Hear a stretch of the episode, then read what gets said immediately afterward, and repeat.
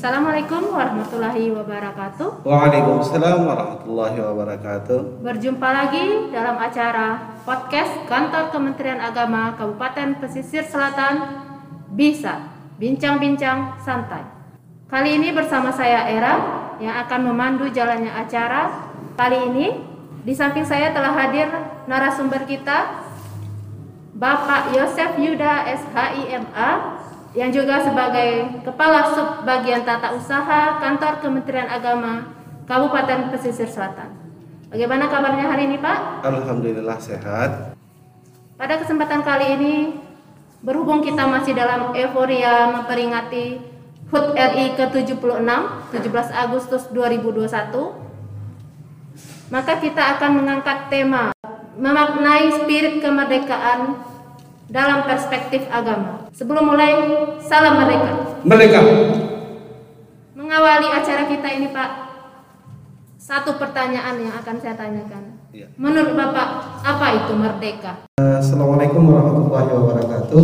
Pemirsa podcast bisa bincang-bincang santai kantor Kementerian Agama Kabupaten Pesisir Selatan. Pertanyaan yang menarik pertama tadi itu Bu Era, bagaimana keadaan pandemi COVID-19 ini yang paling berharga bagi kita semua adalah keadaan sehat diri pribadi, keluarga, lingkungan kantor dan lingkungan sekitar rumah kita. Dengan sama-sama kita bisa selalu sehat, prokes kesehatan dengan ketat, 5M tambah 1D, doa, rasa spiritual yang tinggi kita sebagai seorang manusia mengetuk pintu langit agar kita senantiasa sama-sama terbebas dari COVID-19 bisa memutus rantai COVID-19 dan kita kembali doakan kepada Allah Subhanahu wa taala agar negeri yang kita cintai ini terlepas dari pandemi COVID-19. Amin. Uh, pemirsa ke podcast bisa kantor Kementerian Agama Kabupaten Pesisir Selatan ketika kita bicara kemerdekaan yang paling terbayang oleh kita banyak video, banyak film ketika kita kita kecil dulu, bahkan sekarang juga ditayangkan di media-media, apalagi kita lihat di YouTube terlalu mudah sekarang. Dalam pikiran kita merdeka itu kita terlepas dari penjajahan. Secara bahasa substansinya adalah kita terlepas dari penjajahan. 76 tahun bangsa Indonesia telah terlepas dari penjajahan. Bagaimana konsep kita mau dan memiliki kemampuan untuk menerjemahkan lepas dari penjajahan itu mengisi kemerdekaan itu betul-betul kedaulatan kita bangsa Indonesia kita dapatkan. Berarti merdeka itu intinya bebas dari penjajahan. Bebas dari penjajahan. Penjajahan baik itu dari luar maupun dari dalam bagaimana kita membangun kemerdekaan. Bagi generasi sekarang mungkin yang ada adalah bagaimana mengisi kemerdekaan. Berperang melawan penjajah. Iya iya iya. Kita tidak berperang melawan musuh dari luar.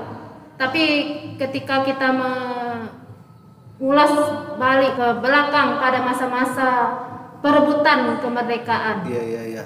Bagaimana para pahlawan kita berjuang mempertaruhkan jiwa dan raga, tumpah darahnya dalam merebut kemerdekaan kita dari penjajahan. Iya, iya. Di sini karena tema kita adalah perspektif agama, ya. bagaimana menurut Bapak dalam masa-masa penjajahan para pahlawan itu peran-peran tokoh-tokoh agama dalam masa perebutan kemerdekaan pada saat itu? Eh, kita kembali ke definisi mungkin uh, merdeka itu kita bebas dari penjajahan. Uh, dalam riwayat Nabi pernah sampaikan sebesar apa pun peperangan yang terjadi untuk melepaskan diri dari penjajahan, tapi perjuangan untuk melepaskan diri dari nafsu itu hal yang luar biasa. Secara administratif mungkin kita terlepas dari penjajahan 17 Agustus 1945.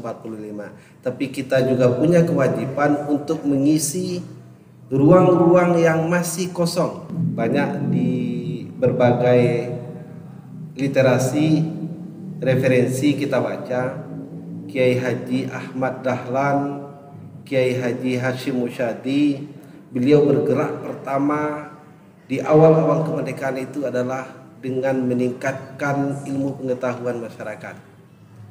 Secara prinsip harus kita yakini bersama dengan peningkatan kemampuan, dengan pengetahuan yang dimiliki oleh masyarakat, kita akan lebih memiliki wawasan tingginya kemampuan, tingginya intelektual, kita akan lebih cepat mengisi ruang-ruang yang kosong untuk menggapai kemerdekaan tersebut.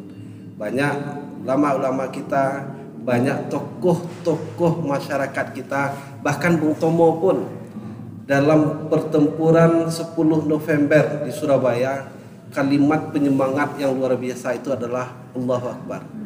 Spiritual yang sangat tinggi kita lihat juga di pembukaan Undang-Undang 1945 atas berkat rahmat Allah yang Maha Kuasa bangsa Indonesia dapat merdeka. Spirit kemerdekaan itu khusus kita umat Islam tidak terlepas dari gezahnya dukungan, dorongan dan bantuan tokoh-tokoh agama kita kiai-kiai kita di pesantren, ulama-ulama kita yang selalu dan senantiasa mengajak seluruh masyarakat berani berjuang untuk merebut kemerdekaan, mengusir penjajahan di negeri yang kita cintai ini, Republik Indonesia. Berarti begitu besarnya peranan para ulama pada masa itu untuk mencerahkan rakyat Indonesia agar berjuang merebut kemerdekaan. Ya, sangat besar, sangat besar. Bahkan tanpa kita sadari, sampai detik hari ini, ketika dalam kegiatan-kegiatan resmi nasional yang kita laksanakan, eh, di sana dalam bacaan doa terakhir itu, Bu Era, selalu disebutkan doa untuk para pejuang-pejuang bangsa. Secara otomatis, apakah mereka beragama Islam, beragama non-Islam, peranan dari tokoh-tokoh agama untuk memperjuangkan kemerdekaan itu memang luar biasa. Tanpa kita sadari, setiap doa ketika acara resmi itu selalu disebutkan mohon ampunan kepada para pejuang-pejuang yang telah berjuang untuk kemerdekaan Republik Indonesia. Mungkin seperti itu. Ya, Masya Allah. Berarti kita generasi muda tidak boleh melupakan peranan para pahlawan. Iya, iya. Kita akan Betul. terus meneruskan perjuangan meneruskan perjuangan para pahlawan itu tidak pernah ada hentinya. Kewajiban kita pada masa sekarang sampai akhir hayat harus tetap mengisi, harus tetap meneladani para pahlawan, niat dan keinginan dan perjuangan mereka selama ini yang mereka lakukan untuk kemerdekaan Republik Indonesia dapat kita isi, dapat kita lanjutkan sesuai dengan keadaan dan kemampuan yang kita miliki. Pada peringatan Hari Kemerdekaan RI yang ke-76 tahun ini, tahun 2021, pemerintah itu menetapkan tema Indonesia Tangguh, Indonesia Tumbuh. Dalam postingan Instagramnya saya lihat, pada Instagram Bapak Presiden Joko Widodo, beliau menuliskan Indonesia Tangguh, Indonesia Tumbuh itu bisa kita capai dengan bahu membahu, saling bergandeng tangan dan bergotong royong dalam mencapai suatu tujuan. Tangguh dalam menghadapi pandemi, tangguh melalui berbagai ujian, dan terus tumbuh dalam menggapai cita-cita bangsa. Cita-cita bangsa tentunya ingin kesejahteraan rakyat. Sebagai insan pemerintahan kita, instansi Kementerian Agama, tentu mempunyai peran yang besar dalam mewujudkan cita-cita bangsa ini. Terutama Kementerian Agama itu bergerak di bidang agama dan pendidikan keagamaan. Menurut Bapak, bagaimanakah Kementerian Agama dalam menyikapi kemerdekaan HUT RI ke-76 dengan tema tersebut? Indonesia tangguh, Indonesia tumbuh, tema yang kita usung pada HUT RI yang ke-76 tahun 2021 ini. Sebenarnya itu merupakan turunan dari visi misi Presiden dan Wakil Presiden Bapak Joko Widodo dan Kiai Haji Makruf Amin. Sebagai warga Kementerian Agama Republik Indonesia Menteri Agama telah menurunkan dalam roadmap Kementerian Agama Republik Indonesia 2020-2024 dalam aturan peraturan Menteri Agama 18 tahun 2020. Di sana tercantum visi dari Kementerian Agama itu Kementerian Agama yang profesional dan handal dalam membangun masyarakat yang soleh, moderat, cerdas dan unggul untuk mewujudkan Indonesia maju yang berdaulat, mandiri, dan berkepribadian berdasarkan gotong royong. Indonesia tangguh dan Indonesia tumbuh. Kementerian Agama telah mencoba untuk memanifestasikan itu. Kementerian Agama itu harus profesional, dia harus handal. Dengan profesional dan handal, khusus warga ASN Kementerian Agama Republik Indonesia, mereka pasti akan tangguh. Mereka pasti akan tangguh dengan profesional dan handal mereka dapat mewujudkan tadi Bu Era sampaikan dari segi keagamaan peranan dari Kementerian Agama membantu presiden dan wakil presiden di bidang keagamaan. Juga pendidikan keagamaan juga ada di sana. Dalam pendidikan-pendidikan keagamaan itu lebih kita cerna lebih cepat revolusi mental keinginan Bapak Joko Widodo itu bisa diterapkan di Kementerian Agama. Kenapa demikian? Dengan revolusi mental dititipkan kepada guru-guru khusus di madrasah kita, Kementerian Agama akan lebih cepat tercerna. Revolusi mental, perubahan akhlak, perubahan etika dapat diwujudkan apabila Kementerian Agama itu profesional dan handal. Akan ada masyarakat yang soleh, memiliki pemikiran yang moderat, dia akan cerdas dan unggul dari segi apa pun. Sehingga negara republik yang kita cintai ini eh, kemerdekaan kita diisi oleh ASN Kementerian Agama itu kita akan berdaulat. Kita akan mandiri, kita akan berkepribadian dan bergontong royong. Seperti tema dalam Instagram Bapak Joko Widodo tadi, butuh kerjasama, butuh gontong royong di sana butuh komitmen di sana untuk membangun bagaimana masyarakat itu bisa berkembang. Apalagi sebelum pandemi Covid kemarin Indonesia telah dianggap sebagai negara menengah tingkat tinggi ya. Tapi sekarang dengan kondisi pandemi Covid turun lagi status ekonomi masyarakat Indonesia. Dengan kerjasama dengan gotong royong Indonesia tangguh berarti memperlihatkan keinginan jiwa kita. Bangsa Indonesia itu tidak pernah semangat loh 350 tahun pernah dijajah Belanda, tiga setengah tahun dijajah Jepang. Begitu banyak penderitaan, begitu banyak uh, kepahitan yang dirasakan oleh bangsa Indonesia, tapi mereka tidak pernah menyerah. Dengan kondisi pandemi COVID yang baru berjalan lebih kurang satu setengah tahun, Bapak Joko Widodo yakin warga negara bangsa Indonesia ini mereka akan sangat tangguh menghadapi apa pun dan akan selalu tumbuh dalam persoalan apa pun yang akan menyulitkan warganya. Mungkin seperti itu, Wera. Ya, mungkin untuk mencapai Indonesia tangguh, Indonesia tumbuh, kita yang perlu bergotong royong, bekerja ya, ya. sama. Bekerja sama. Uh, sebagai insan Kementerian Agama, sebagai ASN Kementerian Agama, mungkin kita dapat mewujudkan dengan memberikan pelayanan yang efektif yeah, yeah, yeah. dan profesional kepada masyarakat. Yeah, yeah. Juga kita dapat berperan dalam meningkatkan pendidikan anak-anak bangsa supaya Indonesia yeah, ya. bertumbuh yeah. menjadi lebih baik ke depan. Kalau kantor Kementerian Agama Kabupaten Pesisir Selatan sendiri uh, dengan tagarnya kolektivitas kerjasama, kerjasama dan komitmen. Yeah. Uh, apakah itu juga sebagai salah satu wujud dalam semangat mewujudkan, ya. mewujudkan Indonesia, Indonesia tangguh, Indonesia, Indonesia tumbuh?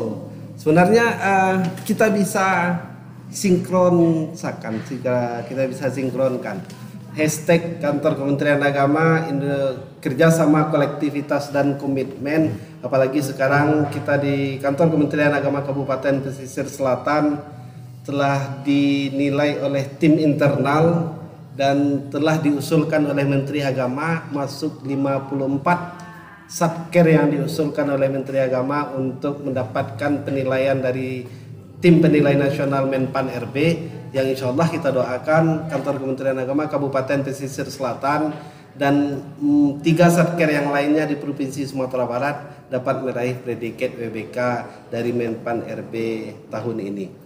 Uh, kenapa Kementerian Agama Kabupaten Pesisir Selatan, Bapak Kepala Kantor me mengilustrasikan kepada kita hashtag kita kerjasama kolektivitas dan komitmen. Dengan kerjasama dengan kolektivitas kita dengan komitmen kita zona integritas di kantor Kementerian Agama itu dapat berjalan dengan maksimal visi dari Kementerian Agama itu mewujudkan masyarakat yang soleh, moderat, unggul, cerdas akan dapat kita raih tidak mudah uh, menuju zona integritas tidak semudah membalikkan telapak tangan, butuh proses. Dengan perjuangan menerapkan zona integritas, madrasah-madrasah di pesisir selatan mereka mulai menggeliat. Tahun kemarin kita jumlah peserta KSMO tingkat Provinsi Sumatera Barat nomor 2 terbesar di Sumatera Barat yang mengirim peserta. Insya Allah tahun ini kita dalam proses uh, tryout uh, coba dan persiapan untuk KSM tingkat Kabupaten Pesisir Selatan. Banyak langkah yang telah lakukan. Indonesia tumbuh, Indonesia tangguh, salah satu wujud dari Kementerian Agama di bidang keagamaan khusus Kabupaten Pesisir Selatan untuk menerapkannya. Banyak yang akan kita dapatkan, banyak yang akan kita perjuangkan dan itu akan memberikan dampak yang luar biasa buat generasi muda kita. Generasi yang soleh itu susah mencarinya kalau generasi yang pintar mungkin dengan berbagai macam pendidikan baik itu formal ataupun tidak formal bisa kita dapatkan. Tapi generasi yang soleh, generasi yang tidak hanya berisi uh, akalnya, otaknya, tapi juga berisi uh, hatinya, imannya. Ulil albab kalau dalam bahasa Al-Quran ada keseimbangan antara ilmu pengetahuan dengan akhlak yang dia miliki. Bahkan uh, para ulama sering sebutkan malahan untuk mengajarkan orang itu untuk dapat ilmu pengetahuan itu tidak banyak. Tidak butuh terlalu proses yang lama, tapi untuk mengajarkan akhlak itu butuh waktu yang lama. Mungkin seperti itu, Vera. Ya, semoga generasi penerus yang dibina di bawah naungan pendidikan agama oleh Kementerian Agama khusus di Kabupaten Pesisir khusus Kabupaten Pesisir Selatan ya, baik ya. itu di madrasah ya, maupun ya. pondok pesantren ya, ya. Uh, dapat menjadi generasi yang tidak hanya maju di iman tapi juga imtak. ya. Iman dan takwa, iman dan takwa pengetahuan dan, teknologi. Ya, itu memang harus sejalan. Iya, iya. Orang yang pintar kalau tidak berakhlak juga akan bisa menjerumuskannya menjadi ya, ya. orang yang licik. Bahkan lebih kejam daripada orang yang bodoh. Karena yang mengendalikan itu adalah iman. Iman ya. ya. ya. Oke pak. Uh, menarik untuk membahas uh, peran Kementerian Agama dalam Indonesia tangguh, Indonesia tumbuh. Karena itu akan kita kalau ingin membicarakannya mungkin akan panjang, akan lama waktunya. Karena yeah, di iya, sini yeah, juga dibatasi durasinya, Pak. Mungkin yeah. di lain kesempatan akan yeah, kita bahas. Uh, terakhir Pak. Iya iya. Dari yang telah kita bahas ini hari ini, uh, apa himbauan dan harapan Bapak untuk insan Kementerian Agama terutama kantor Kementerian Agama Kabupaten Pesisir Selatan dalam menyikapi hari kemerdekaan ini, terutama pada masa pandemi COVID-19, yeah, yeah. bagaimana kita tetap dapat memberikan pelayanan kepada masyarakat. Yeah. Uh, Bapak Kepala Kantor Kementerian Agama Kabupaten Pesisir Selatan, Bapak Haji Abrar Munanda, senantiasa dan selalu mengingatkan kita ASN Kantor Kementerian Agama Kabupaten Pesisir Selatan. Apalagi dengan tema kita tahun ini HUT RI yang ke-76 Indonesia Tangguh, Indonesia Tumbuh, suatu keharusan bagi kita ASN Kantor Kementerian Agama akan selalu dan senantiasa berinovasi, memberikan pelayanan-pelayanan terbaik buat seluruh penerima layanan di kantor Kementerian Agama Kabupaten Pesisir Selatan dan satker-satkernya. Tidak ada pilihan. Kita harus senantiasa menerima kritikan dan saran, memperbaiki kritikan memperbaiki segala kekurangan dan kelemahan yang ada dalam pelayanan untuk mewujudkan betul-betul kantor Kementerian Agama dengan satkernya kita bisa memberikan pelayanan yang prima bagi masyarakat. Tidak ada istilah seluruh penerima layanan kita akan kecewa dengan layanan kita. Tidak ada istilahnya mereka tidak menerima dengan senang hati setelah pelayanan itu didapatkan. Itu yang harus kita lakukan. Dengan tema Indonesia Tangguh, Indonesia Tumbuh, Kantor Kementerian Agama Kabupaten Pesisir Selatan dengan seluruh ASN-nya, mereka adalah orang-orang yang tangguh dan akan selalu tumbuh untuk berinovasi, memperbaiki dan mewujudkan inovasi yang luar biasa memberikan pelayanan yang terbaik kepada seluruh masyarakat. Sebenarnya PMA 18 tahun 2020 itu telah memperlihatkan kepada kita bagaimana kita insan Kementerian Agama lebih banyak dan lebih berkesempatan menerapkan kami yakin di Kabupaten Pesisir Selatan seluruh ASN kantor Kementerian Agama itu telah memiliki upaya yang luar biasa. Dengan momentum yang dimiliki dengan kesempatan yang ada dia akan berupaya mewujudkan Kementerian Agama yang profesional. Dia akan berupaya mewujudkan Kementerian Agama yang handal untuk membangun masyarakat yang soleh moderat cerdas dan unggul. Nah, itu harapan kita bersama. Itu keinginan kita bersama agar Kementerian Agama di Kabupaten Pesisir Selatan akan senantiasa memberikan pesona di negeri sejuta pesona Kabupaten Pesisir Selatan ini. Mungkin itu Vera. Oh iya. Ya. Baiklah Pak, sangat menarik pembahasan ya? kita. Tapi ya. setiap ada pertemuan pasti ada perpisahan. Maka terima kasih banyak. Oke, terima kasih. Uh, atas kesempatan waktu yang diluangkan dari sibuknya pekerjaan. Uh, terima kasih Pak. Ya, sama-sama. Uh, salam sehat. Semoga selalu. selalu sehat menghadapi pandemi COVID-19 ya. dan semoga pandemi ini cepat berlalu dari amin, negeri amin, kita ini. Amin. Uh, baiklah para audiens kami podcast kantor Kementerian Agama Kabupaten Pesisir Selatan. Uh, demikianlah uh, acara kita pada kali ini. Saya sebagai host hari ini Memohon maaf atas segala kesalahan dan kekilafan. Uh, terima kasih atas perhatian. Kami tutup dengan wassalamualaikum warahmatullahi wabarakatuh. Waalaikumsalam warahmatullahi Bisa. Bisa merdeka. Merdeka.